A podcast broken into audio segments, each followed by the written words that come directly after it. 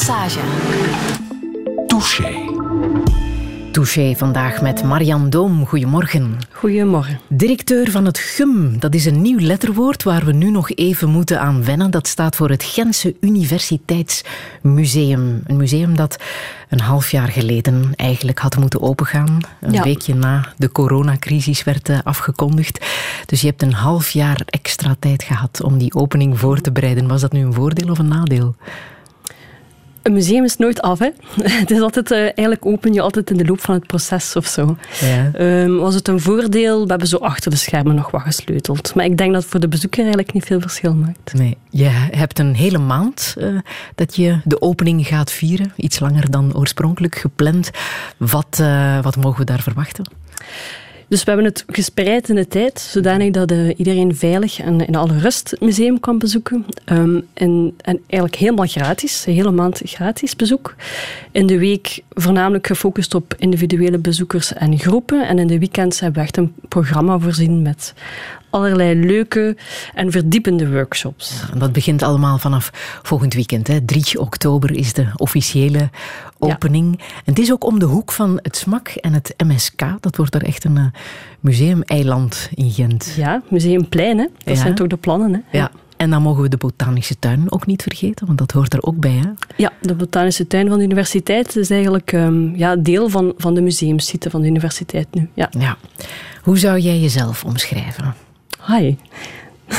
Met de deur in huis. Hoe zou ik mezelf omschrijven? Ehm, onrustig, denk ik. Ik ben iemand die ehm, met heel veel dingen tegelijkertijd wil bezig zijn. En eh terzelfde tijd daarmee met mezelf eh, in conflict ga daardoor. Ehm, En is dat nuttig als directeur van het GUM, die eigenschap? Ja, dat denk ik wel. Ja. Ik moet heel veel balletjes in de lucht houden. Hè. Een museum ehm, is niet alleen het publiek ontvangen, dat is ook werken op collectie, de, de, de studenten ontvangen, scholen. Eh, dus dat zijn heel veel verschillende en diverse opdrachten waar een heel team op werkt. Ehm, en ik ben met alles een beetje tegelijkertijd bezig. Ehm, en tegelijkertijd eigenlijk ja, het netwerk uitbouwen binnen de sector, maar ook binnen onze eigen universiteit. Hè. Ik kondig jou aan als directeur, maar zelf hoor je liever curator. Klopt dat? Eh, ja, ik ben al blij dat je niet directrice zegt. ja. Ehm, curator, ik beschouw mezelf eerder als een curator. Ja. En Ja. waarom dan? Omdat ik altijd vertrek vanuit inhoud. Ja. En een directeur, dat heeft voor mij zo'n connotatie met een managementsfunctie, wat ik natuurlijk ook al deels nu moet doen. Hè. Ja. Maar ehm, ik vertrek toch graag vanuit inhoud en visie. Ehm, ik beschouw mezelf misschien meer als een artistiek directeur in een wetenschapsmuseum. Dat kan. Ik vind dat wel, ja. Ja. ja. Ja. Mag ik je ook omschrijven als een eh, veelvraat als het gaat over museumbezoeken? Ja, verslaafd misschien zelfs een Is beetje. echt? Ja, ja, ik heb dat ook echt nodig. Heb je Ja. dan de quarantaineperiode daarvoor ook gebruikt om extra veel musea te gaan bezoeken? Als het mocht, ja. En nu is het heerlijk, hè. er is niet veel volk. Ja. Helaas voor de sector. Maar ehm, aangezien het in alle rust kan en, en op reservatie, heb je je tijd en de ruimte om, om eh, het museum volledig te laten binnenkomen. Hè. Ja. Ja. Heb je een hitlijst van de musea die je hebt eh, bezocht? We mochten niet reizen, dus het is voornamelijk in de... Ik heb nog eens In de collega's eh, in de omgeving om zo Die je al een ja. beetje kende. Ja, Ja. maar terugbezoeken zijn ook altijd fijn. Ja. Ja. Je bent ook iemand die leeft op koffie en sigaretten, hè? Vooral koffie, ja. De ja. sigaretten zijn afgebouwd? Nee, maar ik ga, tijdens de dag bijvoorbeeld ga ik niet roken. Eh, maar zo s'avonds, eh ja, als het de rust komt, dan eh, zal ik wel een sigaretje roken. Ja. Een wetenschapper die koffie drinkt. Je weet waar dat al dan niet goed en slecht voor is. Ja, uiteraard. Ja. Ja. Ja. Welkom in Touché. Marian Doom. Radio 1. Friedel Massage. Touché.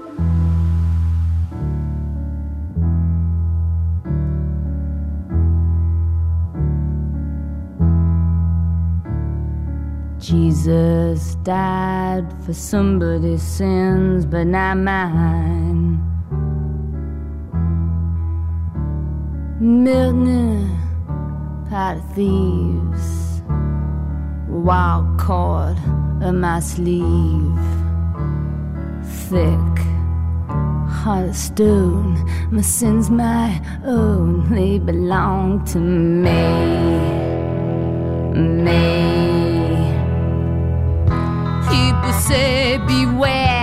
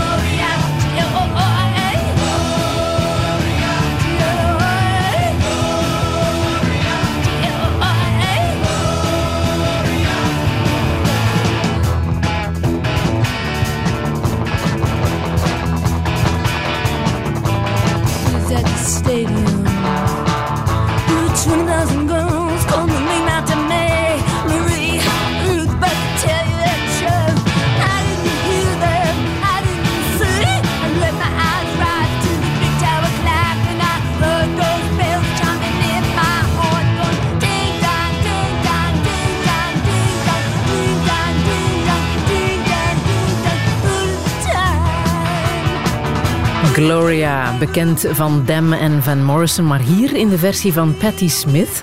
Marianne Don, daar heb je een goede reden voor, hè? Ja, ik hou van Patti Smith. Ehm, ja, van haar, van haar boeken, van haar poëzie, van haar muziek, van haar performances. Ja, voor mij Het was echt geen optie om haar niet te laten horen in Touché. Nee. Ik zal het nog een beetje versterken. Heb je ze ooit ontmoet? Nee. Zou je dat geprobeerd. willen? Je hebt geprobeerd? Ja, ja, echt. Op welke manier dan? We hebben een, eh, een eh, installatie, een filminstallatie in het museum eh, van Sarah van Acht, waar we kunstenaars, wetenschappers, kinderen een toekomstvoorspelling laten doen. Ja. En ik heb haar een brief geschreven of Patty een toekomstvoorspelling wou doen. Helaas. Helaas, helaas. Maar, Maar had het gekund, denk je? Is ze geïnteresseerd in wetenschap? ja, Ja, hoe weet je dat? Eh, Vanuit haar boeken. Vanuit ja, van wetenschap, vanuit een zoektocht naar kennis. Ehm, ja, ze is eh, geïnteresseerd ik ben nu eventjes zijn naam vergeten, in de, de, de aardrijkskundige die de paradigma shift van de continental drift heeft beschreven.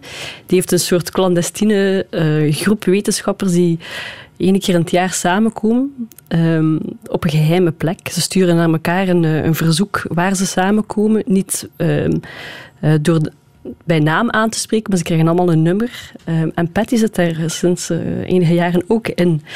En ze beschrijft in een van haar boeken hoe ze een brief voorleest leest, eh, aan die wetenschappers. En die zijn allemaal zo door verstomming verslagen. Zo, wat, wat komt hier doen? En oh nee, het is allemaal niet evidence-based, zoals ze vertelt. Zo, het conflict tussen kunstenaars en wetenschappers, beschrijft ze daar heel mooi in. Ah, ja. Ze zou ook na een concert in eh, Nederland naar eh, het museum van Antonie van Leeuwenhoek zijn gaan kijken Ja, in, eh, in Delft. Ja, ze beschrijft, of ik heb eigenlijk, ik heb haar in de AB gezien, denk ik, of waar was het? Ja, in Brussel een aantal jaar geleden al sinds.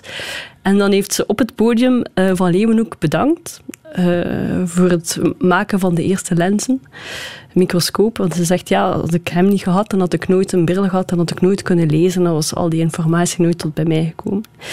En ik heb ook in mijn brief gezegd, ja, Patty, we hebben wel een Van Leeuwenhoek microscoop. Hè. Je mag altijd eens komen kijken. Nee, het, heeft niet, het heeft niet gepakt. Ja. Maar misschien wat niet is, kan nog komen. Hè? Ja, als het museum open is, eh, dat ze misschien toch eens na een concert langskomt in eh, het GUM. Daar staan op dit moment 800 stukken ongeveer uit een collectie van 400.000 erfgoedstukken van, het universitair, eh, van eh, de Universiteit van Gent. Ja. Ehm, daar heb jij een selectie uit gemaakt. Vermoedelijk niet alleen. Maar hoe heb jij je keuze gemaakt? Als je zegt bijvoorbeeld, we hebben een, een eh, lens van, van Leeuwenhoek staan. Waar heb je de lijn gelegd om je keuze te maken? vertrokken vanuit de inhoud. Dus we, zijn echt, we hebben echt gecureerd vanuit ehm, dat zijn de thema's die we willen brengen en nu gaan we die invullen met objecten. Dat is eh, een, een keuze geweest, want je kan het ook omgekeerd doen. Je kan zeggen we willen de pronkstukken doen en we gaan het, we gaan het verhaal aan elkaar breien. Dat hebben we heel bewust niet gedaan. Ehm, en als daardoor pronkstukken nu moesten sneuvelen, dan was dat ook maar zo. Ehm, dus we hebben eerst thema's vastgelegd. We hebben eerst, denk ik, heel duidelijk de visie en de missie van het museum op papier gezet. Ehm, weten welke eh, boodschap dat we willen brengen, zeg maar. Dat klinkt nu wel zeer... maar ja. Ehm, en dan, ja, door, door collecties gerasduind. En dat, dat heeft eh, zeker weken in beslag genomen, gewoon om door elk object bijna handmatig te gaan. Met heel veel collectiebeheerders gesproken, die, die toch de experten zijn eh, rond die objecten. En hen laten vertellen, hen eh, de verhalen met liefde en passie laten vertellen en dat proberen opnemen als, als verhaal en als object in, in Ja. die thema's. Daar zitten inderdaad, want ik heb al even mogen piepen in het GUM, Ja. bijzondere stukken tussen. Hè? Zullen we beginnen met de meest strafste misschien? Je hebt een paar schedels, naakte mensenschedels, maar ook een echt mensenhoofd. Mhm. ja. Hoe bijzonder is dat, dat dat te zien zal zijn in het GUM? bijzonder, denk ik. Ehm, we gaan om met menselijke resten. Hè. Die zitten sowieso in wetenschappelijke collecties. Ook dat is een keuze. Tonen we het of tonen we het niet?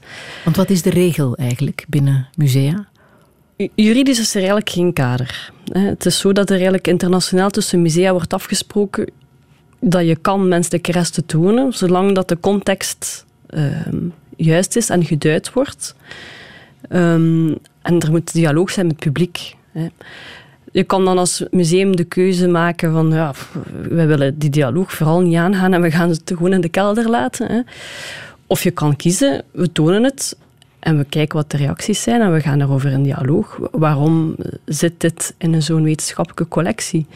Ehm, dus we hebben voor dat laatste gekozen.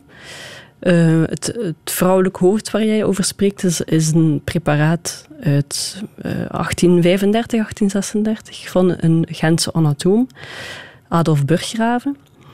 We weten niet wie de vrouw is. Ehm, maar- maar het is een preparaat waar ehm, enorm veel zorg en liefde in de dissectie is gestoken, in het maken, het vervaardigen van het preparaat. En hoe weet je dat? Waarom zeg je dat? Ja, dat, dat zie je gewoon. Alles is, is op maat gemaakt. Dat lijkt zo raar, hè? maar het, het zit in een soort glazen buis die op maat gemaakt is voor haar. Ze ligt op kant. Ze ligt in een soort pose die, die haar eerder slapend moet voorstellen. Dat was ook zijn doel. Hè? Hij wou terug leven inblazen in de dood. Dat was ook Ze een ziet beetje... er echt ook levensecht uit. Hè?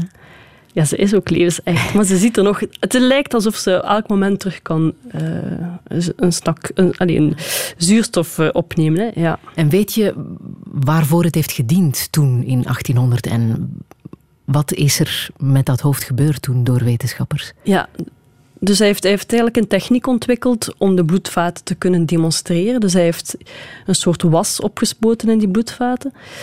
Ehm, en het preparaat illustreert dat ongelooflijk goed. Ik denk niet dat we... Ik kom zelf ook uit de anatomie. Ik denk niet dat we dat vandaag de dag op zo'n manier kunnen bewaren en tonen aan studenten hoe die bloedvaten, in dit geval dan in het hoofd, hè, dus in de hersenen, ehm, ja, dus voor educatieve doeleinden. Ja. Ja.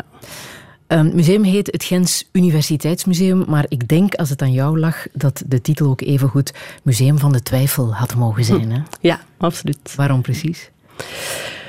Ehm, waarom precies? Twijfel is gewoon een enorm belangrijk woord ehm, in wat we proberen neerzetten of te delen met een publiek. Het gaat over twijfel terug mogen ruimte geven, iets wat dat wetenschappers eigenlijk hoe dan ook doen, eh, waar dat ze in getraind zijn. Ehm, maar ehm, het idee van twijfel wordt, of de ruimte krijgen voor twijfel, wordt, vind ik, meer en meer gecontesteerd. Zo. Het moet nogal recht toe recht aan zijn. Je mag niet de nuances op tafel leggen en, als wetenschapper. Hè. Ehm, en ik denk dat het tijd wordt dat we duiden waarom we steeds maar met die twijfel communiceren ook. Het gaat niet over het, het antwoord is A of B, maar het gaat over het antwoord kan A, B, C, D, E. ja, en we zullen misschien met voortschrijdend inzicht die tien mogelijke antwoorden kunnen reduceren tot vijf binnen tien jaar, maar misschien ook niet. En, ehm, en ik versta dat dat ongelooflijk frustrerend is voor een publiek of, of voor een buitenstaander om naar te luisteren, maar dat is hoe dat kenniscreatie via wetenschap in elkaar zit. Ehm, en we moeten die plek terug durven opeisen, denk ik. Ehm, en duiden, vooral delen met een publiek waarom dat zo is. Ja, als je het dan doortrekt naar nu, als je kijkt naar de Nationale Veiligheidsraad, naar Celeval. We hebben de voorbije zes maanden de wetenschappers meer dan eens gehoord en, eh, en gezien. Wat, wat heb je daaruit ehm, opgepikt? Ehm, loopt dat goed? Ik heb vooral gekeken naar de relatie tussen wetenschap en politiek. Ehm, en het baart me toch een beetje zorgen, eerlijk gezegd. Ja. Op welke manier? De, rol van wetenschappers moet sowieso zijn om advies te geven, denk ik. Hè? En, om al, en om de vrijheid te hebben om al die mogelijke twijfels en nuances op tafel te leggen. Maar één, ik denk dat we als bevolking het recht hebben om ook al die twijfels te horen. En te horen hoe op basis van die data dan beslissingen worden genomen. En op dit moment eh, mis ik een beetje transparantie in het beslissingsproces. En Ja. dat is net wat jullie wel tonen in het museum, hè? die weg Absoluut. naar soms ook geen uitkomst. De manier waarop wetenschappers zoeken. En dat is soms heel amateuristisch geweest, hè? als je eh, bekijkt eh, Ja. welke stukken er zoal liggen. Want hoe, hoe gingen wetenschappers te werk? Vaak ook met eigen gevonden methodes. Maar ja, je spreekt nu over het verleden, Friedel. Dat is nog altijd Het zo. is nog altijd zo. Natuurlijk, de Ja. huistuin- en keukenobjecten. Ja? Ja, en dat, maar dat maakt het ook zo schoon, vind ik. Ja. Ja. Ja, en heel veel van de objecten die we ook uit het nu halen, hè, zie je bijna de wetenschapper knutselen ook om, om een bepaald experiment uit te voeren. Ja, daar vertrekt het allemaal mee. hè. Je begint met een vraagstelling en dan denk je, ja, hoe ga ik dat nu onderzoeken? En dan begin je te knutselen. Ja, dat is het mooiste. Dat is ook het creatieve proces. Ja. Ehm, ja.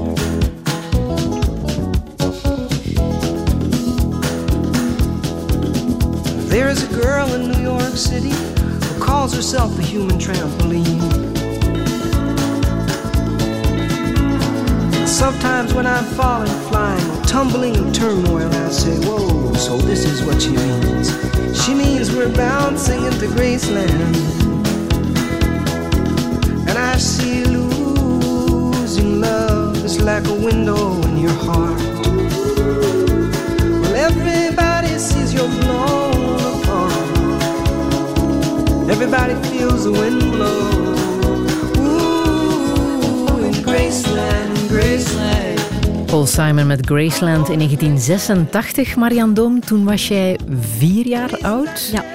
Welke herinnering komt er naar boven als je dit nummer terughoort?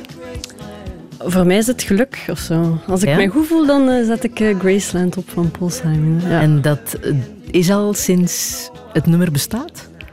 Dat zal dan wel zeker, ja. Ik heb al redelijk wat muzieksmaak van mijn ouders meegekregen, Ja? denk ik. Ja. Leonard Cohen, en dat zijn ook allemaal eigenlijk... Dat is muziek van voor mijn tijd, maar ik ben ermee opgegroeid. Ja. Ja. En wat voor gezin was dat precies? Eh, wij waren maar met drie, mijn ouders en ik. Ehm, en ik zou zeggen een, een sociaal-maatschappelijk geëngageerd gezin. Heel Hoezo? actief. Eh, actief in, ehm, in, in cultuur, zeg maar. Ik ging heel veel... eh, of ze hebben mij vroeg laten kennismaken met heel veel facetten van cultuur.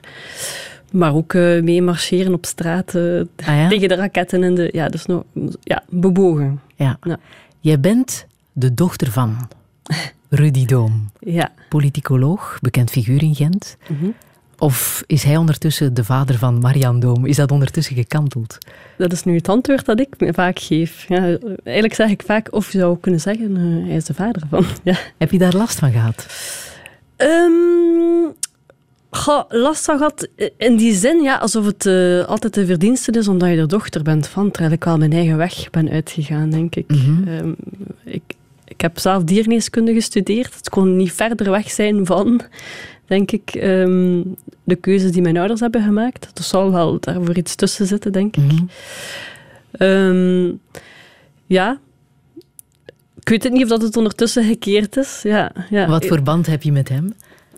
Een hele goede band. Ja. Ja. Ik lijk op hem, denk ik. Ja. In welke en hoe zin? ouder dat ik word. Een zekere koppigheid, Ja?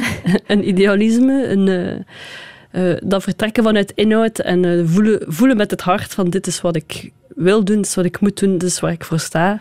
En daar ga ik voor. Ja, dat heb ik van hem meegekregen. Heeft hij jouw werk gevolgd als directeur van het GUM? Ja. En wat je daar aan het doen bent? Ja, ja hij, is, hij is mijn klankbord voor een stuk. Ja, en hoe doen jullie dat? Ehm, in brieven eigenlijk. Maar, In brieven? ehm, ja, in brieven of op mail. Ja, heel veel eh, uitwisseling via wo- woorden die ergens neergeschreven staan. Ja, Niet eh, gesproken communicatie. ja jawel. Maar, maar dan is het, het is eh, op een heel vreemde manier, als ik met hem samen zit, is, is hij nog altijd de vader en misschien de professor. Zo, hè. En, maar als we in een briefwisseling is, is de verhouding evenrediger. Ja. Die zelfstandigheid, want je bent enig kind, ehm, heeft dat daarmee te maken dat je alleen bent groot geworden? Ja, dat zal wel, denk ik. Ja. Ja, ik, ik, pestte mijn ouders vroeger nog wel eens om te zeggen dat ik een sleutelkind eh, was. Ja, dat was wel zo. Ja. Ik kwam Ja? wel alleen thuis. Ehm, ja, daar heb ik een zekere zelfstandigheid aan overhouden. Ook wel een, een eh, ik wil niet alleen zijn eh, gevoel, denk ik. Ja. Ehm, ze, hebben, ze zijn er altijd geweest, hè? Maar, maar meer als ehm, een notie dat ze er waren om mij op te vangen. Eigenlijk, ja. Je was ook deel van het kindercircuit. ja. Wat is dat precies?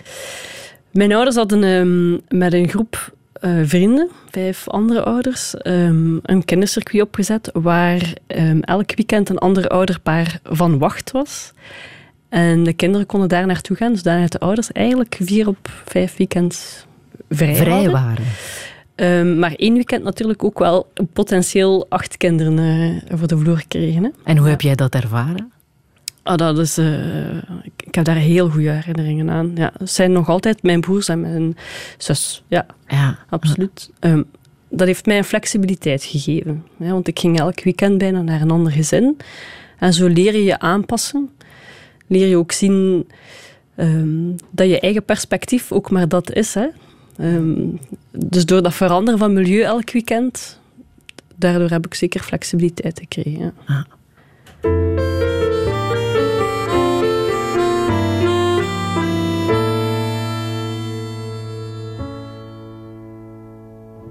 Ik zie je lopen over straat. Je loopt zomaar over straat. Je stopt en blijft even voor een boekenwinkel staan. Ik denk, zal ik wel of zal ik niet? Ga ik weg voor je me ziet? Of is het net beter om naar je toe te gaan? En dan praten, lang geleden, bla bla bla. En al dat soort van beleefdtoenerij.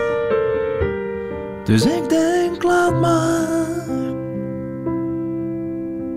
Wat geweest is, is geweest. En wat voorbij is, is onherroepelijk voorbij. En dan plots alsof je het weet, alsof je het voelt.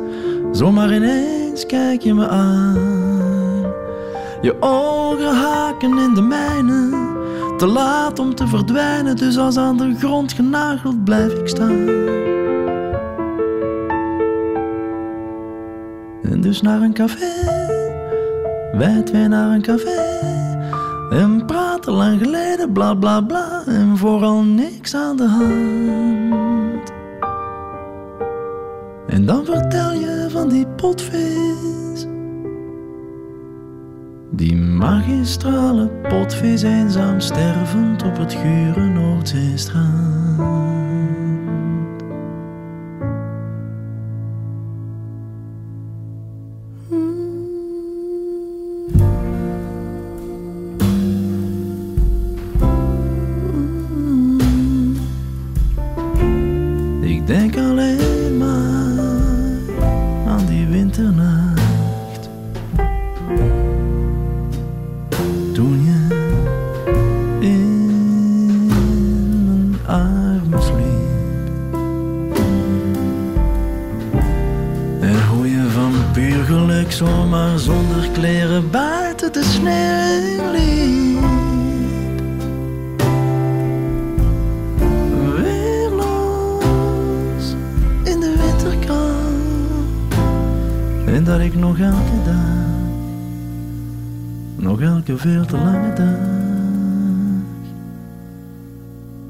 Kapot ga zonder jou.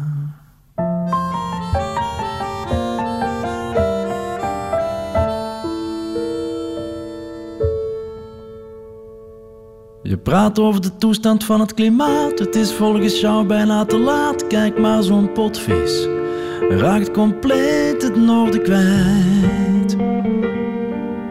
En over dringend en veranderen, over nu en durven handelen, over vijf voor twaalf, over de allerhoogste tijd. En ik kijk naar het bewegen van je mond, je handen je ogen. Maar ik heb geen flauw benul meer waar het over gaat. Ik zit daar als bevroren. En jij die praat en praat en praat en praat en praat en praat en praat.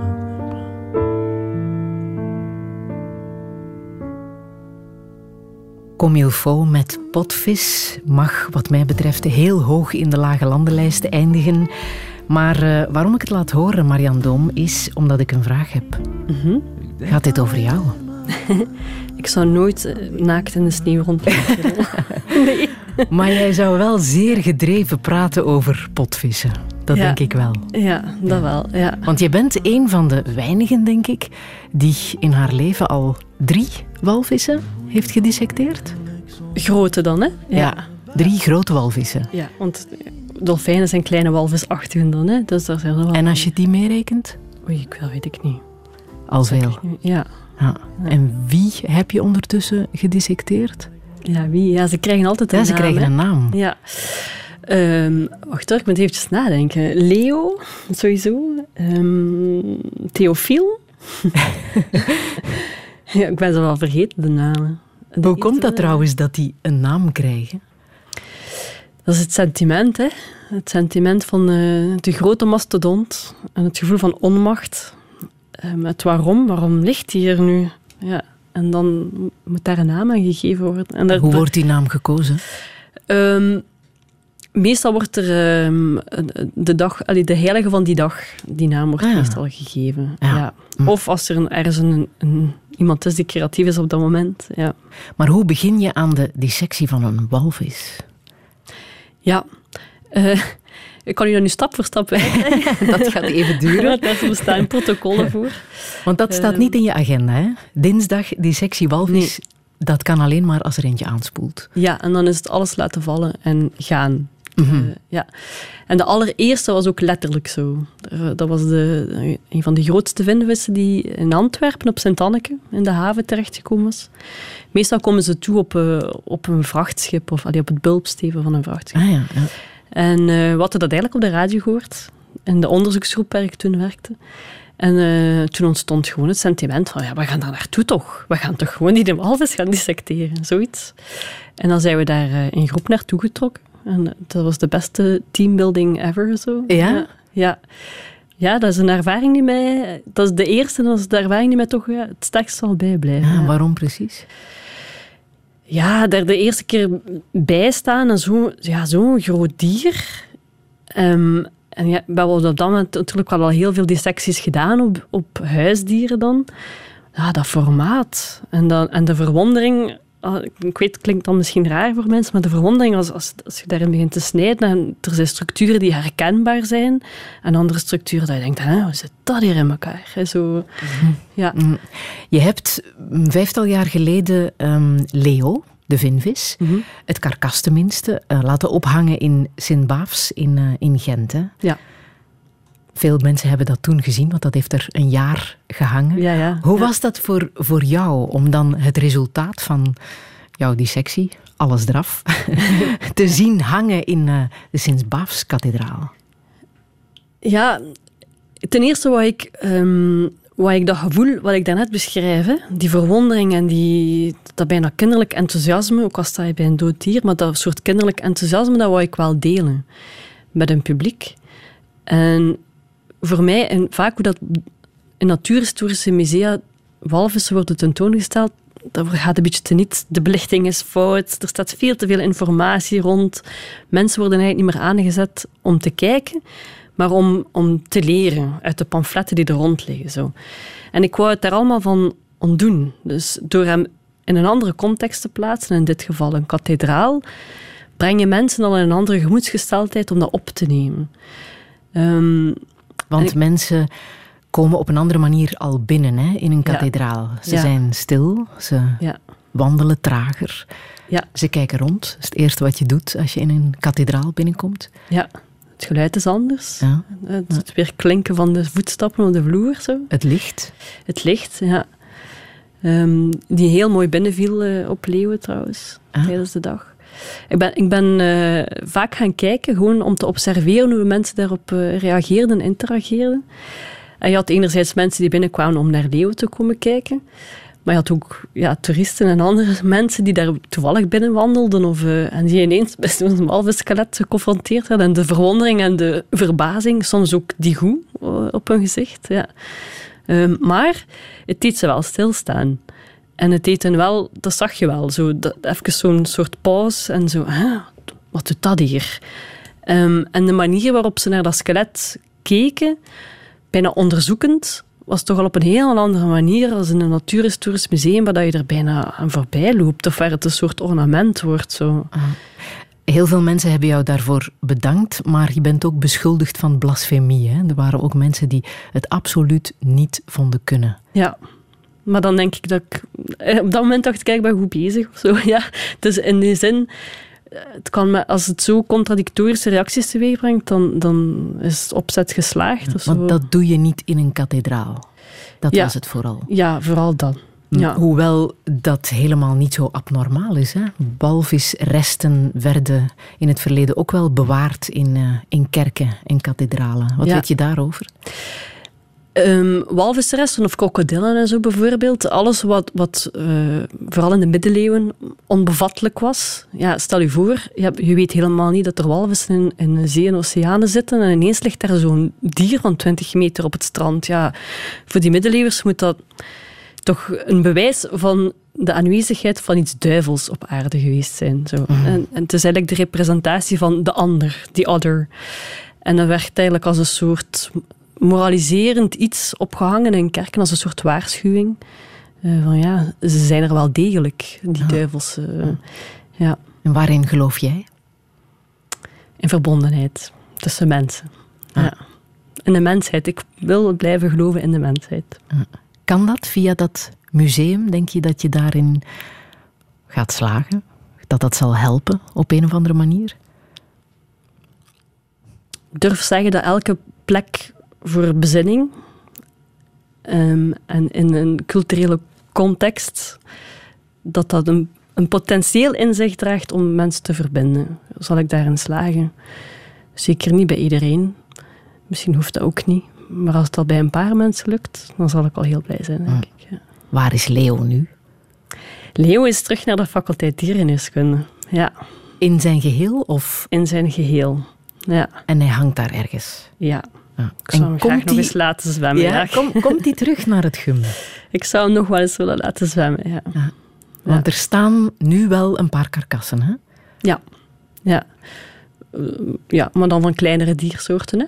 Maar er hangt bijvoorbeeld wel, eh, dat is ook een dissectie die ik gedaan heb, van een narwal. Er is een narwal eh, enkele jaren geleden in Antwerpen terechtgekomen. Ook iets heel vreemds, wat dat hij daar deed. Ehm, en dat skelet, eigenlijk uniek, hè, want het is het enige narwalskelet, of, eh, en die in België eigenlijk eh, toegekomen is, die hangt eh, bij ons in het Die hangt in het museum. Ja. En de andere? Skeletten. Ja.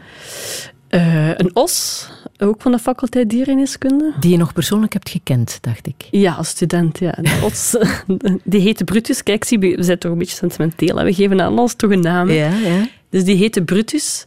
Een os is een gecastreerde stier. Eh, Weet ik dat ik nu, eh, als ik zo 16 en 18-jarige studenten zie, dan moet ik dus al verklaren. Een os is een gecastreerde stier. Ehm, en dan groeien ze een beetje langer door, dus dan worden ze nogal groot. En mak, dat is de bedoeling natuurlijk.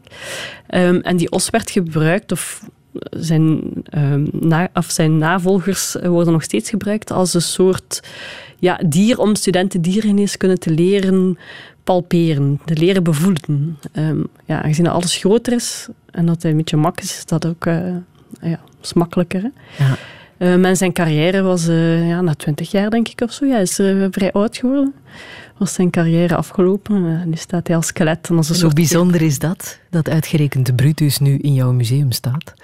Ik vind vooral mooi dat het, het, gaat, het gaat mij niet over het proberen didactisch erop wijzen wat dat, dat eh, skelet nu vertelt. Het, eh, natuurlijk kan je ook dat verhaal vertellen. Hè. Je kan heel goed zien waarom die os zo groot geworden is, enzovoort enzoverder. Maar het verhaal eraan. Ja, en dat, toont, dat mag ook wel tonen dat wetenschappers een beetje sentimenteel zijn soms. Ja, en zo hangt er ook eh, de schedel van een olifant, waar lang van gedacht was dat het iets anders was. Ja, dus de, de narwal bijvoorbeeld ook. En, en dan is de schedel van de olifant die hangen eigenlijk bij een thema die, die vertelt hoe mensen ehm, bij een eerste waarneming soms niet goed wisten wat ze zagen en er dan maar een verklaring aan ga- gaan gaven. En dat hangt nu bij, binnen een groepje dat wat we fabeldieren noemen. En zo'n olifantenschedel, ja, die heeft een, waar de slurf zit, waar het neusgat zit, zo'n heel groot gat eigenlijk vooraan in de schedel. Hè. Dus als, als die schedels de eerste keer werden gevonden, dan was dat wel een bewijs van het bestaan van cyclopen. Hè. Ja. Ah, Museum van de Twijfel dus. Hè. Voilà. Ja. Je hebt heel veel geleerd van Francis Morris, de directeur van eh, Tate Modern in eh, Londen, die ook in Gent is geweest om een eh, eredoctoraat op te halen. Is de opvolgster van de Belgische Chris, Chris. Dercon, die daar ook directeur is geweest. Wat heb je precies van haar geleerd? Want ik kan mij inderdaad wel voorstellen dat museumdirecteuren onder elkaar bijzondere gesprekken hebben. Ja, ik heb ze dus eigenlijk één volle dag mogen ontmoeten en haar mogen meetornen door Gent. Zo. Ehm, was een hele fijne babbel. Ehm, wat heb ik van haar geleerd? Blijf met je voeten op de grond, ook al je de directeur van Tate Modern. Ehm, waar zij bijvoorbeeld ehm, over sprak, is dat ze in haar team ook zegt, eh, zoveel keer per week zitten jullie eh, aan de balie of lopen jullie rond in het museum, want je moet voelen hoe dat museum leeft. Ehm, en dat kan alleen maar als je tussen de andere bezoekers loopt. Zo weet je wat er leeft, wat er werkt, wat er niet werkt. Dat vond ik eh, een hele interessante. ehm, En gaan jullie dat ook doen? Wij gaan ook mee aan uh, Bali Shifts draaien. Ja. Ah, ja. ja. ja.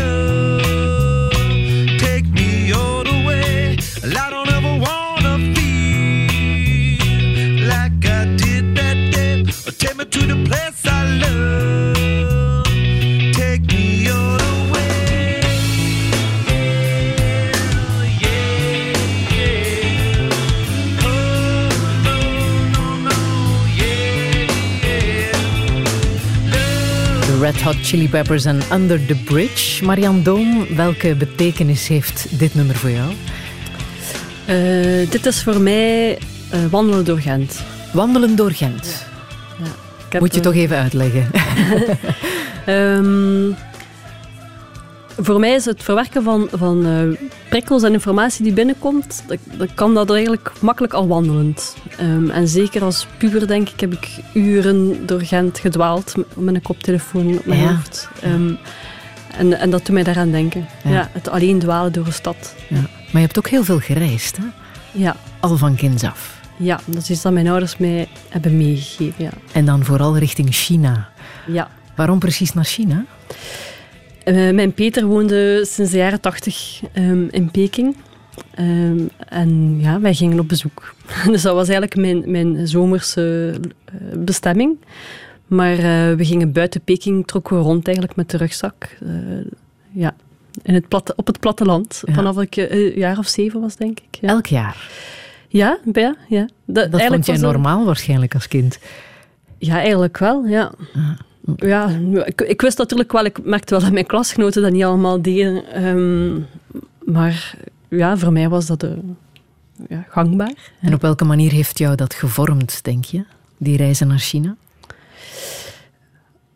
Het heeft mij opnieuw eh, van heel jongs af aan eh, leren inzien dat, dat het perspectief waarin dat je opgroeit, dat dat ook maar dat is, dat dat heel klein is. Dat de wereld veel groter is dan, dan onder je eigen kerktoren. En ik ben verknocht aan Gent, maar ik besef ook wel waarom. Waarom eh, ik geprivilegeerd ben om er te mogen wonen en er om, om er te mogen functioneren zoals ik nu doe. Ehm, en, en dat opentrekken van een wereldbeeld... Ehm, verstaan dat de manier waarop dat je naar iets kijkt, dat dat komt vanuit de bagage waarin dat je bent opgegroeid, dat dat ook maar een bril is. Dat is er van heel vroeg ehm, niet ingepompt. Ze hebben mij dat gewoon getoond, ja, door mee te nemen op, de- ja, Ja. op rugzakreizen. Ja. Wat jou ook gemaakt heeft tot wie je nu bent, is eh, de ontmoeting met kunstenares Berlinde de Bruikere. Mhm. Dat Ja. is echt een kantelmoment voor jou geweest. ja, absoluut. Op welke manier? Ja, ik, ik was assistent in de anatomie, dierenarts, maar ik voelde ook wel dat ik daar niet helemaal mijn, mijn ei kwijt kon. Of zo. De, de, dat, dat voelde voor mij veel te beperkt en belemmerend. Ehm, en ik zocht wel vaak contact en vice versa met kunstenaars. En ik ondervond daar altijd heel veel plezier, plezier aan. Maar ergens had ik toch ook zo het gevoel, dat is mijn plaats niet of zo. Ik, ik mag die stem ook niet zijn. eh, mijn mening over kunst en over... eh, ja. Ehm, en mijn ontmoeting met haar was, eh, is begonnen eigenlijk met een week echt samenwerken in onze dissectiezaal aan paardenlichamen. Ehm, en zij heeft mij leren kijken, denk ik, op een andere manier. Maar ook mij op een stoel naast haar gezet en gezegd, ja, wat, denkt u er nu van? En ik dacht, "Huh, wilde je dat van mij horen? Eh, en ze heeft mij leren die stem vinden. En ook leren voelen dat het oké is dat ik die stem heb. Ja. Ja. Eh, dat voor mij een eh, hele omschakeling is. Ja. Eh, dat is ook heel erg voelbaar in het museum. Hè. Daar liggen trouwens ook een paar tekeningen van haar die ze heeft gemaakt voor professor Piet Hoebeke. Zijn eh, te zien in het eh, GUM. Ehm, maar ook een prachtige ehm, street art tegen de gevel van het museum is van Roa, ondertussen Mhm. wereldbekende graffiti-kunstenaar. Hoe heb je hem zover gekregen om dat voor jou te doen? Ja, ook, hij had ik eigenlijk al ontmoet als ik eh anatoom, dissectie, hoe zeg je dat? Dissectiehandelaar, nee, ik weet niet hoe dat ik moet zeggen, Ehm, anatoom was. Dus als ik in een dissectiezaal werkte, was hij wel al langs geweest ik- om dissecties te volgen, te tekenen of naar collectie te kijken die er toen was. Dus zo hebben we elkaar ontmoet. Ehm, en in de loop van de jaren wisselden we soms wel een keer wat. ja, We hebben alle twee voorliefde voor anatomieboeken. ik heb dit boek gevonden, of uh, dan wisselden we zo'n ding wel met elkaar uit. En gaandeweg, toen we wisten dat het gum ging komen waar het nu is, zag ik die geven en ik dacht, ja... ja. Die kan niet blank blijven. Nee, dus uh, heb ik hem dat, dat idee voorgelegd. Dus eigenlijk wisten we al lang dat er iets ging komen. Ja. En dat en, heeft hij gedaan tijdens de lockdown, hè? Ja. Want hij had toch niks te doen. Ja, dus de bedoeling was eigenlijk dat hij in maart, de week na de opening, het zou doen. Uh, ja, dus dan hebben we dat stopgezet. En dan gingen we dat doen met nu, rond de tweede opening, zeg maar. Maar hij mij belde en hij zei, ja, allee, kom, we gaan dat nu doen. ja, ik zit hier in Gent uh, vast ook. Hè. Um, ik kan niet weg. Ik ja, kom, we gaan dat toch gewoon nu doen. En hij ging eigenlijk een week, eh, een week vooruit trekken. En uiteindelijk zijn dat nu drie weken geworden. Mhm. En vanuit het museum, vanuit de verschillende etages, kan je heel erg dicht bijna dissecteren hoe hij dat heeft gedaan. Hè. Je Ja. kan, want dat gebeurt zelden dat je zo'n Ja. zo'n street art eh, werk tegen een gevel van dichtbij kan bekijken. Ja, fantastisch. Hè? Dat kan bij wel film. veroorzaakte dat een beetje stress. Ja? Als, ik, eh, als we voorbereidend het museum bezochten en, en ik hem toonde op welk niveau dat we naar zijn tekening konden kijken. ze- Oeh, ja, dat is dicht, ja. ja. Ik heb nog muziek uit de film Silence of the Lambs van eh, regisseur Jonathan Demme met Anthony Hopkins en Jodie Foster over de kannibaal Hannibal Lecter. Heeft dat ook te maken met jouw verleden als eh, dierenarts en jouw interesse voor anatomie? Nee, ik denk de film dan. Hè. Dat, dat, dat, dat is de film. Die, eh, nee, dat heeft niks te maken met mijn interesse voor anatomie. Waarmee dan wel?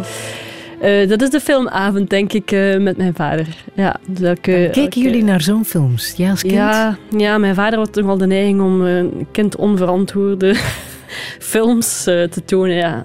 Ja, Aliens, eh Silence of the Lambs. Ja, Ja, maar het is wel een artistiek meesterwerk natuurlijk. ja absoluut. Ja.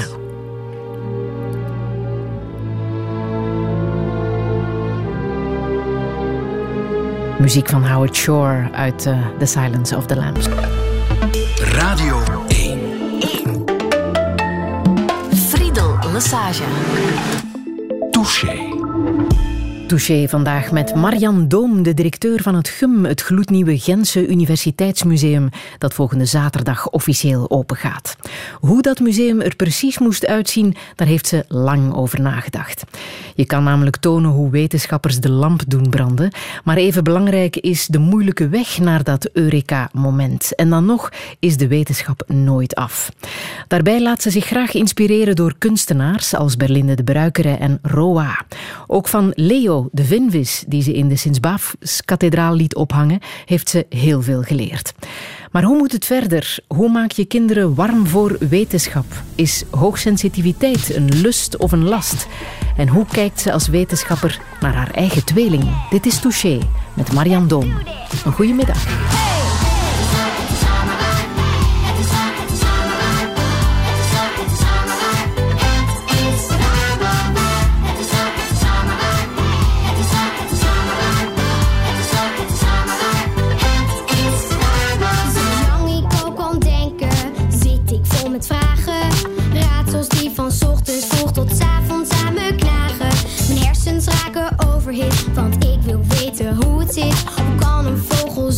Zo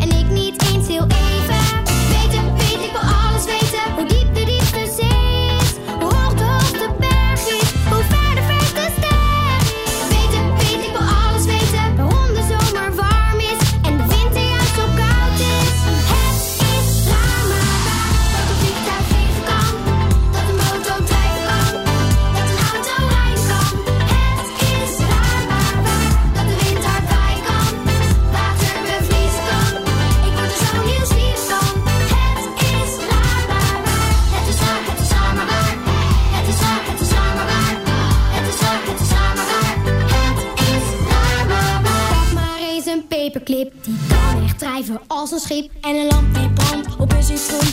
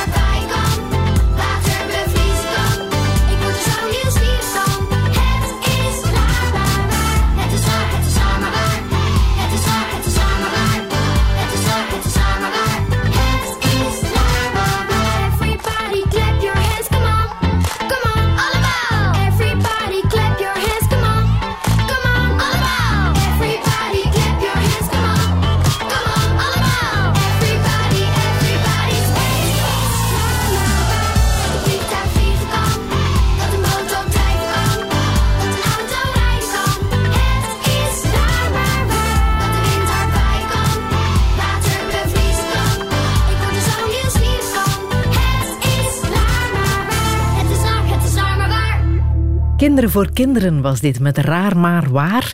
Kinderen voor Kinderen bestaat dit jaar 40 jaar. En ik weet niet of ze ooit de Lage Landenlijst hebben gehaald. Maar misschien is het wel een idee om eh, de hit Een eh, kind onder de evenaar is meestal maar een bedelaar. Ik weet niet of jij dat ooit hebt meegezongen, Marian Doom. dat is van lang geleden. Maar eh, ze behandelen altijd thema's die kinderen heel erg eh, raken. En wetenschap is daar één van. Raar maar waar. Ze willen weten waar de wereld naartoe gaat en hoe de wereld precies in elkaar zit. Dat interesseert jou natuurlijk ook, hè, Marian Doom. Ja. Ja, ik zie dat aan mijn kinderen ook. Het willen, willen weten, vragen, vragen, vragen, vragen. Ja. Ehm, daar zit de core van de, van de wetenschapper in natuurlijk. Dat is de nieuwsgierigheid. Absoluut. Ehm, maar het gaat eigenlijk niet over de antwoorden. Hè. Het gaat over die zoektocht. Het gaat eigenlijk over die vraagstelling. Ja. Dat is belangrijk, denk ik, om als competentie mee te geven aan kinderen. En hoe gaan jullie dat doen in het eh, museum? Op welke manier gaan jullie daarmee om? In de eerste plaats focussen wij echt op het proces. Over wat wetenschappelijk denken is. Eerder dan dat we dus eh, de vragen beantwoorden, de weetjes, de pure feitelijke kennis. Daarover gaat het eigenlijk niet. Het gaat over het proberen overbrengen van een attitude. De wetenschappelijke attitude wil zeggen dat je zelf kritisch eh, reflecteert. Dat je de informatie die, die op je afkomt, Ehm, dat je dat verwerkt via een bepaalde methode. En dan, daarna kan je er nog mee doen wat je wilde. Maar het is wel een eh, manier van denken. Omdat het kritisch denken onder druk staat? Vind ik wel, absoluut. Ja.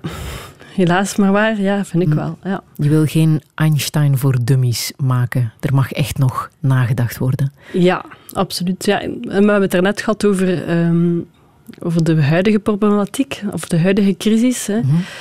Ja, ook daar zouden we meer moeten aangemoedigd worden om, om eigenlijk alle twijfels en alle denkprocessen die nu in wetenschappers hun hoofd omgaan, om daar zelf ook kritisch mee om te gaan en om daar zelf ehm, beslissingen in te kunnen nemen. Eerder dat er ons nu beslissingen opgedrongen worden en die we gewoon zoals schapen volgen, dat vind ik soms... eh, dat beangstigt mij wel. En dat zit inherent in de mens. Hè. het, het willen volgen, dat zit inherent in de mens. En ik denk dat dat belangrijk is dat we onze kinderen dat meegeven. Ehm, Herken je dat ook bij jezelf? Ja, tuurlijk. Ehm, het doet mij een beetje denken aan, aan eh, Daniel Kahneman, eh, Thinking Fast, Thinking Slow, die het heeft over het snelwerkende brein en het trage brein. Het snelwerkende brein is het, is het intuïtief brein, het willen volgen. Ehm, dat hebben we nodig hè, om te overleven. Als je de straat oversteekt, dan wil je niet nog eens nadenken of je nu wel of niet onder de auto moet lopen, maar dan wil je gewoon intuïtief een beslissing kunnen nemen. Ehm, maar in zijn boek beschrijft hij eigenlijk hoeveel procent van de tijd dat we dat intuïtief brein gebruiken en volgen. En dat is beangstigend hoe vaak dat is. En, ehm, en dat traag ehm, draaiend brein, dat moet je echt actief aanspreken. En de wetenschappelijke methodiek is zoiets. Dat is heel erg contra-intuïtief. Maar je moet actief jezelf aanpraten van nee, nu ga ik eens echt beredeneerd en met een methodiek waarvan ik weet dat die tot iets betrouwbaar kan leiden, aan de slag gaan. En dat vraagt veel inspanning, maar die is wel zo nodig om, ehm, om eh, in een samenleving... En daar kan je niet vroeg, vroeg genoeg mee beginnen? Nee, absoluut. Daar, moeten we, daar moet je jezelf van bewust zijn en daar moet je je kinderen van bewust maken. Ja, zowel jongens als meisjes. Hè? Het klinkt Ja, misschien graag. onnozel om dat nu te zeggen, maar ooit was er eh, de titel Jongens en Wetenschap, was wetenschap voornamelijk voor jongens. Is dat ondertussen gelijk getrokken? Hoe zit het eigenlijk met de genderongelijkheid in de academische wereld? Nog niet waar het zou moeten zitten. Hè? Eh, we doen inspanningen. Ehm, ik ben lid van de Jonge Academie. Een jonge academische groep eh, wetenschappers en kunstenaars. eh, die als een soort jonge vraagbaak ook dienen voor het universitair bestuur, zeg maar. En daar, van daaruit wordt nu ook echt heel sterk op dat beleid gehamerd. Er moet gendergelijkheid komen. Ehm, ik kom zelf uit, zelf uit de diergeneeskunde en ik heb zo wat de overgangsperiode gemerkt. Toen ik startte als student, waren er misschien eh, een twee of drietal vrouwelijke proffen op de faculteit. Ja, dus dat was behoorlijk arm. Ehm, wij zijn ook nog eh, aangesproken door de toenmalige decaan. Eh, ik heb kleine huisdieren gedaan. En de toenmalige decaan sprak ons aan met eh poezenmeisjes. ja, dus dat, dat, was gangbaar, precies. Ja. Gelukkig is eh, traag veranderingen aan het komen, maar er moet nog veel gebeuren, denk Mhm. ik. Breng jij eerherstel aan vrouwelijke wetenschappers in het GUM, het Gens Universitair Ja. Museum? Ja, absoluut. Op welke manier? Wel, als het gaat over kennisontwikkeling, hè, en als je dan al 50% van die bevolking eigenlijk uitsluit om te participeren in die kennisontwikkeling, dan is het maar armzalig. Hè. Dus we, brengen, we tonen eigenlijk ja, dat iedereen moet kunnen participeren in die kennisontwikkeling. Ehm, en dat vrouwen daar eh, even goed deel mogen van uitmaken, denk ik. Eh, wij tonen, of wij brengen dat verhaal aan de hand van een collectie van Bertha de Vrieze. Ehm, en Bertha de Vrieze eh, is de allereerste vrouwelijke student geneeskunde die afgestudeerd is. Eh, heeft daar onderzoek in de anatomie gedaan, dus ik heb er natuurlijk een beetje een boon voor. Ehm, en ze heeft helaas nooit... ze heeft haar doctoraat afgelegd en ze was eigenlijk ja, destined om, om een academische carrière uit te zetten, maar eh, dat is dus niet gelukt. Ehm, En hoe kwam dat? omdat de toenmalige prof eh, anatomie eh, meer zag in zijn zoon als opvolger dan in Bertha de Vrieze. Dus zo is ze eigenlijk tegen het glazen plafond gestoten. Ja. En hoe is het dan verder met haar gegaan? Ehm, ze heeft in het Gentse een, een privépraktijk in de pediatrie gestart. Ze heeft zelf nooit kinderen gehad. Ehm, eh, tra- Maar privé, privépraktijk was toen de oplossing. Ja, op zich was het denk ik eh, in die tijd, we spreken hier over eh, begin 20e eeuw, hè, als, dat ze als vrouw al een praktijk kon uitbouwen, dat was ook al eh, denk ik een stap. Ehm, de oplossing, ik weet niet of dat, dat de oplossing was. Ehm, op zich is het een tragisch verhaal natuurlijk, want als we, mogen, als we de dingen eh, lezen rond haar persoon, was ze ook echt een geweldig goede lesgever. Ja, dat is iemand die dan afgevloeid is eigenlijk, hè, uit dat milieu. Dat is wel jammer, hè. Hoe volg jij het nieuws? Hoe volg ik het nieuws? Eh, kranten, denk ik. Kranten lezen, 's morgens bij het ontbijt. Ja, radio. Ja.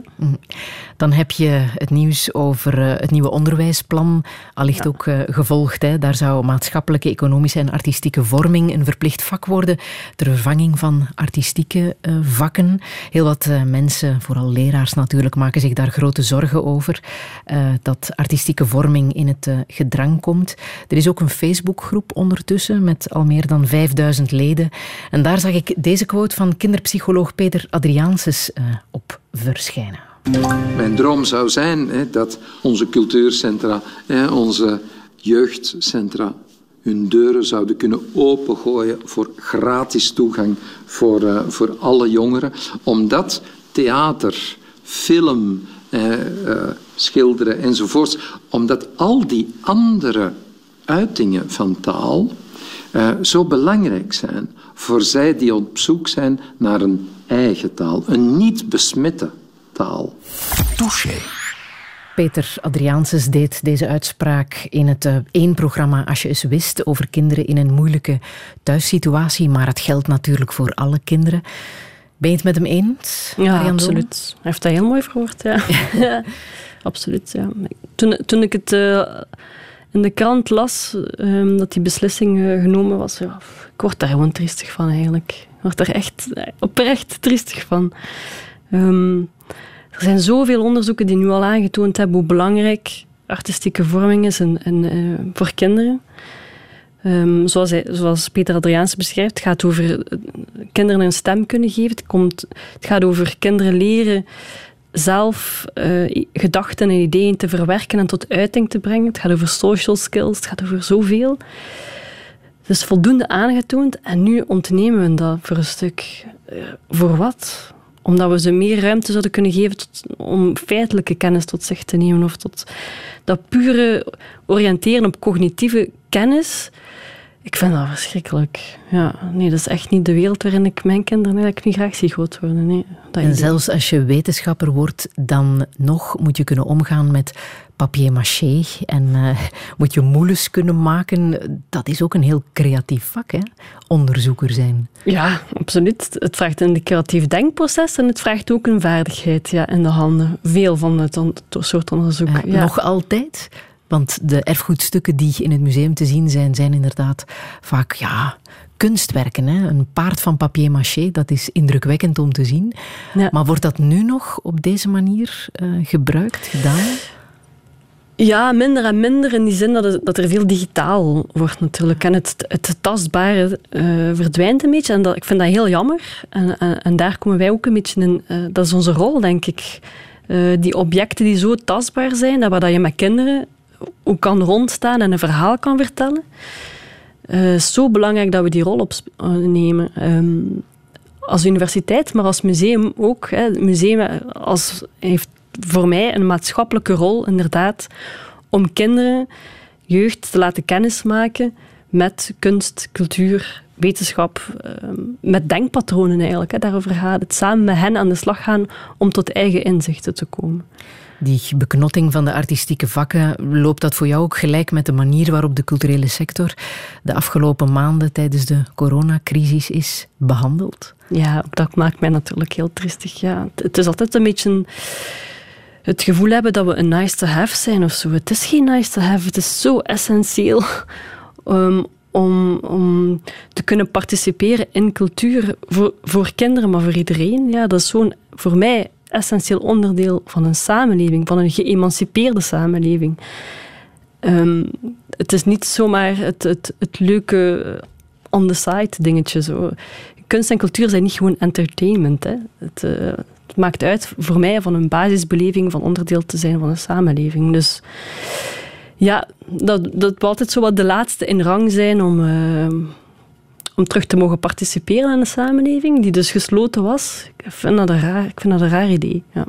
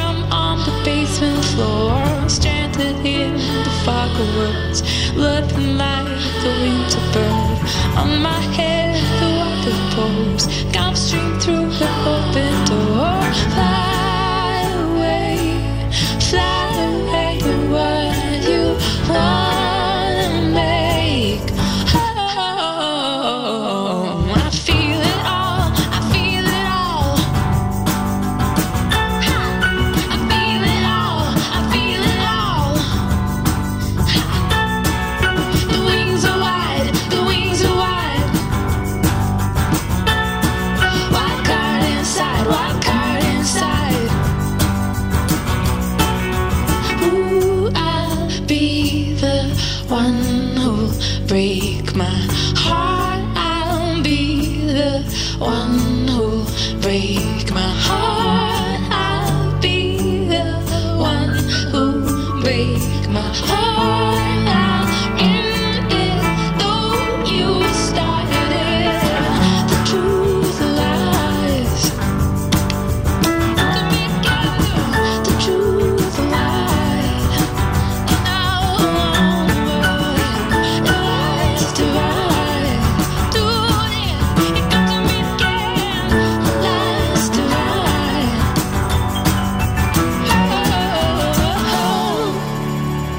Feist en I Feel It All, Marianne Doom. Het is een heel belangrijk nummer voor jou, hè? Waarom precies?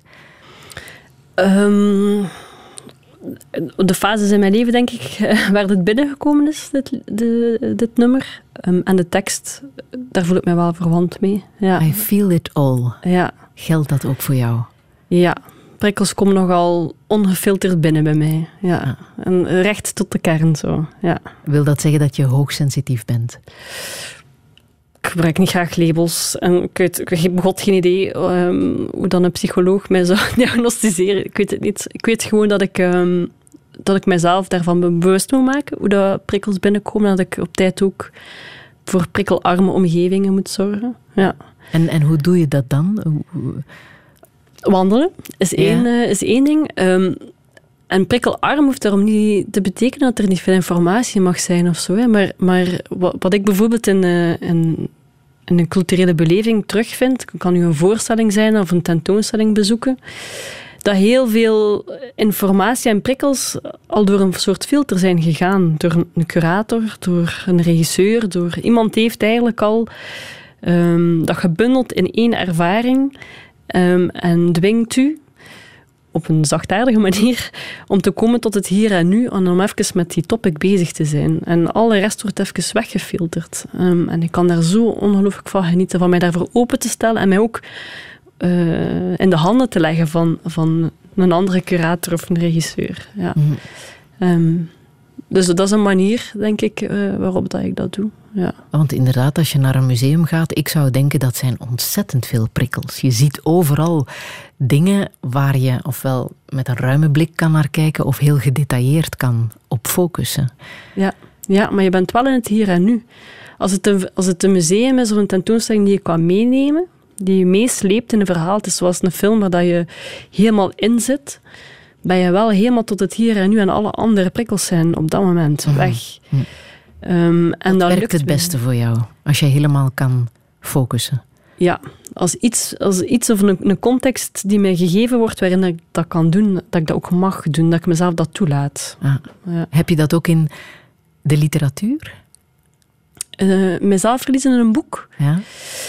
kan ik hebben, ja.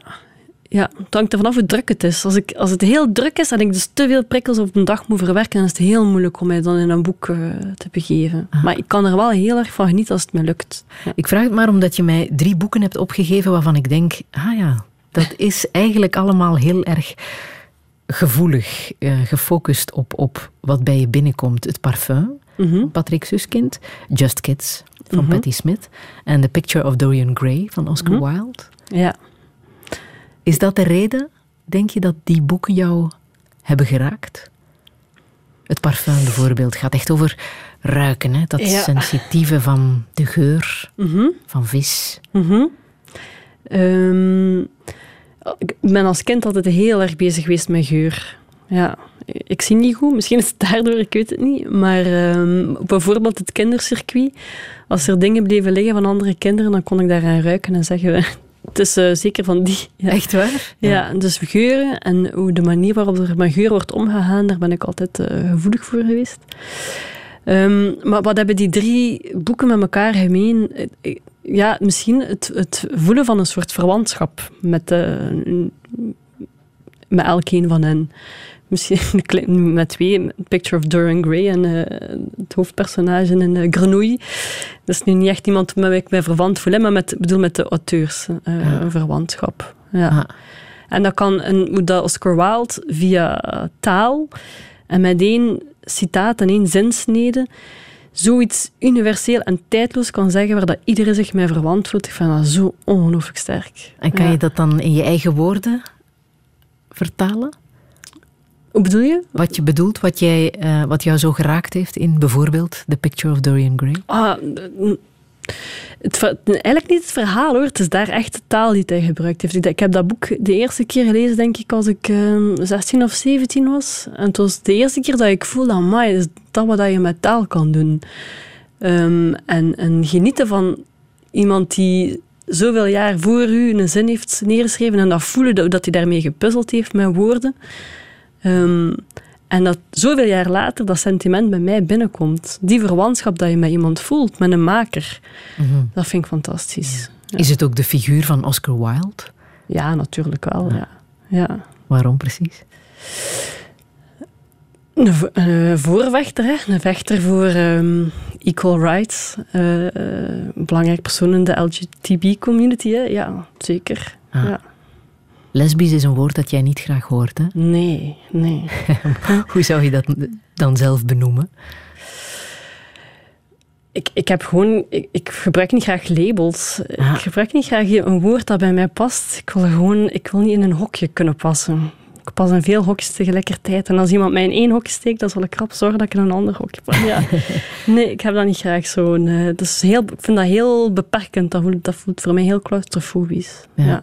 Maar de liefde voor een vrouw, dat was wel op een bepaald moment duidelijk. Ja, Ah. ja dat was Kan duidelijk. je, kan je omschrijven waarom? Kan een wetenschapper als jij omschrijven hoe dat bij jou zo duidelijk was? Waarom? Nee, nee, ik heb op een bepaald moment dat wel losgelaten om daar verklaringen voor te vinden. En er, zijn, er zijn tal van onderzoeken die proberen zoeken over het waarom. Waarom eh, bestaat dat? Is dat evolu- evolutionair interessant of niet? Eh, ik heb daar wel een periode mee bezig geweest zo, om daar verklaringen te zoeken. En eigenlijk heb ik dat nu losgelaten. Ik wil het eigenlijk ook gewoon niet weten. Als er een verklaring voor is, ja, zo so be it, goed. Maar ik heb het niet nodig. Ik heb het niet nodig om mij te voelen wie ik ben. Ehm, dat voelt alleen maar beperkend. Nee. Dus, Je hebt twee kinderen, hè? mhm. Van wie zijn die genen?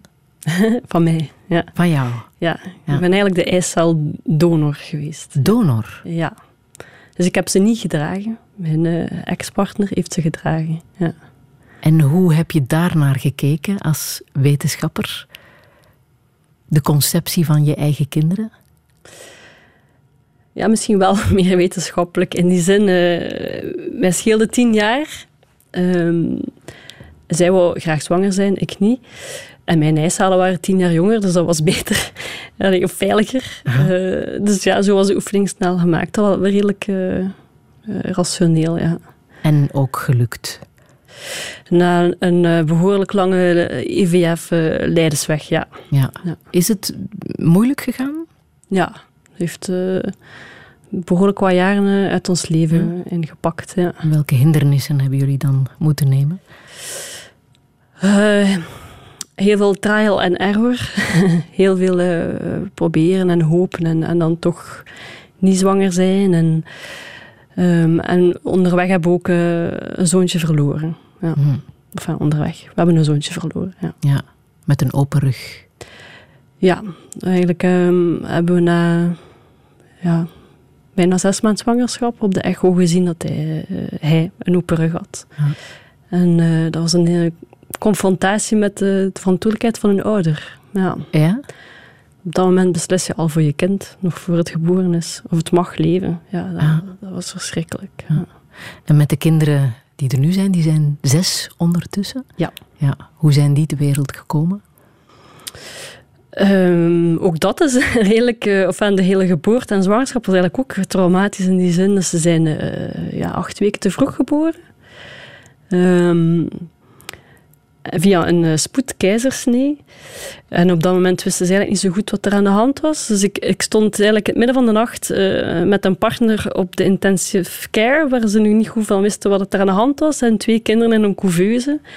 En toen was de wetgeving ook nog zo dat ik, ik heb mijn kinderen moeten adopteren. Ik kon ze niet herkennen bij geboorte. Dus dat waren nog niet eens wettelijk gezien mijn kinderen. Dus dat is even een moment van wanhoop, ja. Ah. ja.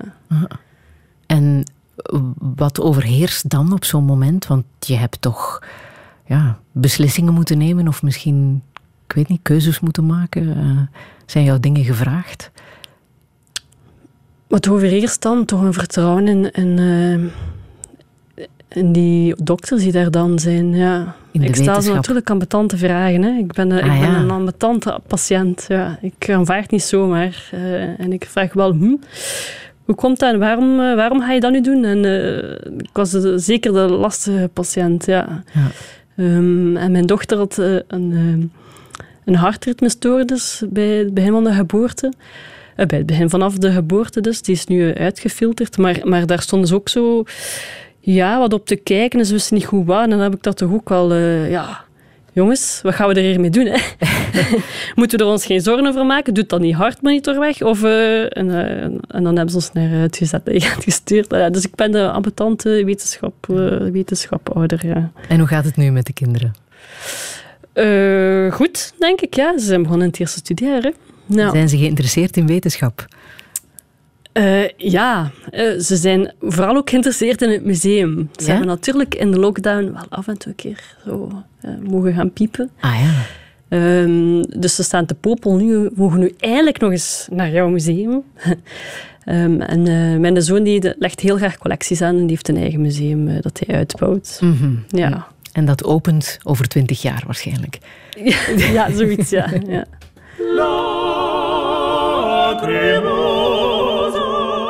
do.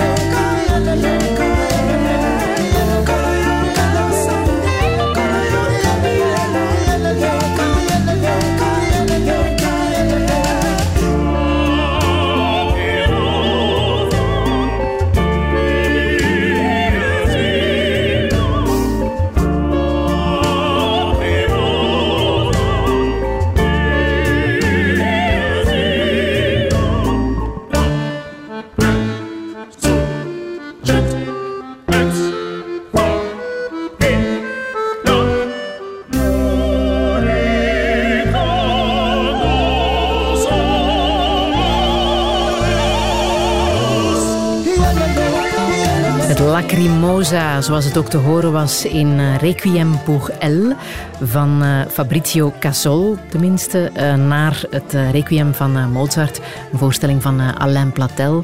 Marianne Doom, dit is bloedmooi, hè? Ja, ja hè. Ik ben blij dat we kunnen deze versie laten horen. Ja, hè. Welke betekenis heeft het voor jou? Ehm, we hebben het er net gehad eh, over cultuurbelevingen naar een voorstelling kijken en de verbondenheid voelen met andere mensen. Met wie dat je dat dan beleeft. Ja, dat is er zo één van. Ik, herinner mij dat de scène werd eh, donker op het einde van de voorstelling. En ik denk dat een minuut lang stil bleef. En toen iedereen in één keer recht stond. Ehm, en mensen die aan het wenen waren. En die dat, dat delen van zo'n emotie. Ehm, en dan achteraf daar ook mee aan de slag gaan. Zo, eh, wat heeft dat nu betekend? Wat was dat nu eigenlijk wat ik heb gezien? Eh, daar betekenis slagen in leggen. Ehm, wat betekent dat voor onze huidige samenleving? Hoe gaan we om met euthanasie? Want daarover ging het toch? ook. Ja, vind ik iets dat zo blijft nazinderen en nu zo kleeft aan je ribben. Ik vind, ah, een maker die dat kan doen, dat vind ik fantastisch. Mhm. ja. Het gaat inderdaad over een vrouw die eh, ziek is en eh, kiest om eh, euthanasie te plegen. Ehm, zou jij hetzelfde doen in dat geval? Ik durf dat niet zeggen. Ik, durf, ik zou willen zeggen ja. Ehm, maar ik durf niet zeggen dat op dat moment in mijn leven dat ik diezelfde beslissing zou durven nemen, willen nemen. Misschien dat er op dat moment de reden is om toch langer bij je kinderen te willen zijn. Ik weet het niet. Durf ik niet zeggen. Zou jij je lichaam schenken aan de wetenschap? Ja, ehm, misschien niet om gedissecteerd te worden. Daarvoor heb ik zelf te veel gevroed in het lichaam. Maar ze mogen mijn orgaan hebben. Als mijn longen nog wel oké zijn, al daar ook. Ja, want jij weet hoe dat gaat. Hè? Je bent een moderne Vesalius. Ja. Ehm, je weet hoe je een lichaam moet dissecteren. Mhm. En wat er dan allemaal bij komt kijken. Mhm. Ja. ja. Dus dan zeg je, "Mm, toch niet met mijn eigen lichaam. Alleen mijn organen. Voor mezelf maakt het niet zoveel uit, denk ik. Maar voor de mensen, voor mijn eh, omgeving en mijn nabestaanden, vind ik dat toch, dat is, dat is toch geen gemakkelijke oefening. Ik heb heel veel respect voor mensen die dat doen, echt waar. Ehm, er zit toch een, een tijd tussen het overlijden en het terugkrijgen van het lichaam. Ehm, je wordt een studieobject, hè. En dat moet ook. Ehm, en dat is zo nodig. Dus ik ben de eerste om te bepleiten dat we dat ook moeten blijven doen. Want er zijn wel wat tendensen ehm, in de academische wereld en onderwijs die, die richting dat digitale gaan en die bijna eh, studenten virtueel laten dissecteren. Ja, nee, dat is toch echt niet hetzelfde. Je moet echt voeling krijgen. Hè. We hebben het daarnet ook gehad over de vaardigheid van wetenschappers, wat er in de handen zit. Dissecteren is ook zoiets, ja. Het is alsof dat je mensen zou leren koken virtueel op computer. Ja, nee, hè. je moet dat mes hebben vastgehad. Dus ehm, het is zo nodig. ehm, maar ik vind het toch een moeilijke. Hè? Ja. Ah. Je bent opgeleid als dierenarts, maar je bent het niet meer, hè? heel bewust. ja, toch niet praktiserend. Nee, geen Ja. praktiserende dierenarts meer. Waarom niet? Waarom was dierenarts toch niet jouw lang leven? Ehm, te, weinig, te weinig breed, denk ik. Te veel ehm, puur bezig met de, de patiënt en die eigenaar. Ehm, de economische motivatie er vaak ook toch naar boven kwam bij huisdiereigenaars. Ehm, ik voelde mij nog te weinig een wetenschapper en te veel iemand die uitvoerde. Ehm, dus ik ben teruggekeerd naar het onderzoek omdat ik de wetenschappelijke uitdaging ehm, en het kunnen de tijd nemen om een bepaalde denkoefening te maken, dat miste ik toch wel enorm. Ja. Maar was je goed als dierenarts? Nee, waarschijnlijk niet. Hè? Ja. Denk je van niet? Ik denk dat wat je heel graag doet, dat wat je voelt dat je hart ligt, dat je dat goed doet. En daar zit ik nu veel meer op mijn plaats. Ja. En wie heeft beslist dat daar een einde zou aan komen aan die carrière? Heb je dat zelf beslist of heeft iemand voor jou die beslissing Ik ben, genomen? uiteindelijk ben ik ontslaan in een praktijk. Ja, En was dat, dan een, op straat. Ja. was dat dan een opluchting, dat ontslag? Eerst niet natuurlijk. Ja. Eh, Ik denk dat de eerste weken waren een harde dobber. Zo. pff. Ehm, ja, en, en dat klikte gewoon niet in die praktijk. Eh, en dan werd die beslissing genomen. En dat was op zich achteraf gezien ben ik dankbaar dat dat gebeurd is. Want, Het klikte niet omdat je het niet graag deed? Ja, ik denk het. Ja.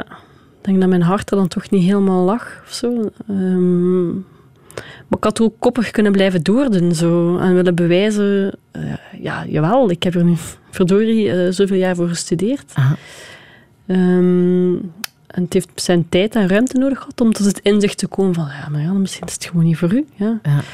Eh, maar dat was een moeilijke, ja. Dat was een moeilijke. Wat heb je daaruit geleerd? Dat ik moet volgen wat mijn hart zegt, wat ik moet doen. Mhm. Ja. Ehm, en niet omdat er verwachtingen zijn, ehm, dat je vooral zelf... Eigenlijk voel je zelf wat dat je goed in bent en wat dat je gepassioneerd bent. Ja. Ah. En dan heb ik een heel, dat is een hele rare sprong om van dierenarts naar de museale culturele sector te gaan, maar ik voel mij daar zoveel meer thuis in. Ja. Maar toch is het een bagage die je nog altijd heel erg gebruikt, natuurlijk. Hè? Ja, maar ik voel me misschien minder dierenarts, maar wetenschapper. En, en ook dat, tot dat inzicht ben ik pas later gekomen. Ik ben, ik ben wel opgeleid tot dierenarts, maar ik ben toch in de eerste plaats opgeleid tot wetenschapper. Ja. En dat is een, vaardigheid dat ik heb meegekregen in mijn opleiding.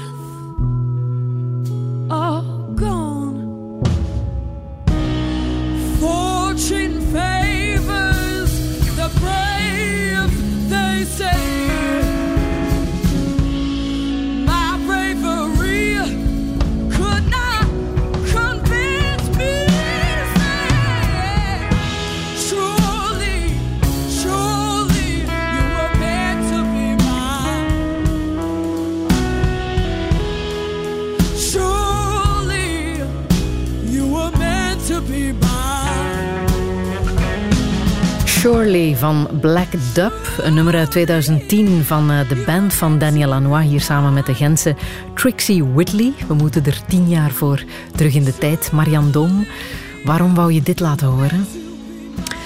Ehm, Trixie was eigenlijk in het Gentse milieu, vooral als DJ toen eh, al Ja. bekend. Ja. En ehm, toen trad ze voor de eerste keer op met zo'n grote band. En als je die de eerste keer op dat podium ziet en die blaast gewoon alles weg. Met haar zingen, want in haar bindteksten is ze heel lang zo wat, zo'n klein onzeker eh, meisje gebleven. Ik denk dat dat de laatste jaren al dat ze steviger in haar schoenen staat. Ehm, maar sindsdien heb ik ze nog een aantal keer zien performen. En, en, en iedere keer eh, zoekt ze weer naar haar eigen identiteit. Is, ze- vervormt ze zich David Bowie gewijs. Komt ze met andere kunstenaars op dat podium. Eh, Ik vind dat fantastisch. Iemand die zo zichzelf blijft zoeken en, en die zoektocht ook niet verbergt. Die dat als iets heel kwetsbaar op tafel legt. Mhm. Ik vind dat sterk als je dat doet als eh, performer. Ja. Jij bent nu 38? Mhm. Zoiets? Bijna, ja. Bijna? Ja. Wat zou je echt nog willen in het leven? Ah, dat is nu echt een vraag waar ik me niet... eh, wacht. ik, eh, nog meer onrust. En dat er maar weer iets moois kan uitvloeien. Ja? Ja. Ja. Ja. Als voedingsbodem voor Ja. het leven. Ja. Ja. Ja. Welke boodschap wil je hier nog meegeven? Wel, de onrust als voeding. ehm, ik moet eh, denken aan een tentoonstelling die Berlinde nooit eh, in Nederland, in Tilburg, heeft opgezet. Samen met de collectie van Philippe van den Berg, de Gentse kunstenaar. Ehm, en hij had op een van zijn tekeningen geschreven: Innocence is precisely never to avoid the worst. Vrij vertaald? Vrij vertaald, voor mij betekent dat altijd eh, volgen wat erin u zit, uw hart volgen en, en niet nadenken wat de consequenties zijn. En blijf daar maar onschuldig voor in het leven. Zo. Ga het leven onschuldig tegemoet en dan, zo komen de mooiste dingen op je pad. Ah, dat is een hele mooie. Er is nu ook een tentoonstelling in, In. Beaux-Arts rond Ja. zijn werk van Ja. eh, Philip van den Berg. Ik heb nog ehm, muziek uit de film Call Me By Your Name. Mhm. die jou heel erg heeft eh, geraakt. Ja. Waarom precies? Omdat het zo'n universeel en tijdloos eh, verhaal is. Ehm, de taal die er gebruikt wordt, en dan bedoel ik beeldtaal, muziek, de acteurs, alles klopt zo. En het zou zich om even waar en op het even welk moment kunnen afgespeeld hebben, hè, dat verhaal. Ehm, en opnieuw, ja, dat op, denk op het einde in die cinemazaal, dat iedereen die zo, boah, dat verbindende moment van eh, dit hebben we samen beleefd of zo, als we daar naar gekeken hebben. Ja. Een herkenbaar verhaal ook voor jou? Want hij is, dacht ik, eh, Ja. Ja. de hoofdrolspeler eh, Timothy Chalamet is zoon van wetenschappers, hè? Ja, ja en, en, maar toch wel met een open-minded... niet de puur op cognitieve functies gefocuste wetenschappers in het verhaal, denk ik. Hè? Ja. Eh, nee. Maar ja, zeker verwant. Ja. Zijn, de coming of age, dat verhaal dat erin zit. Hij fietst dan wel, maar ik heb veel gewandeld door Gent. Ja.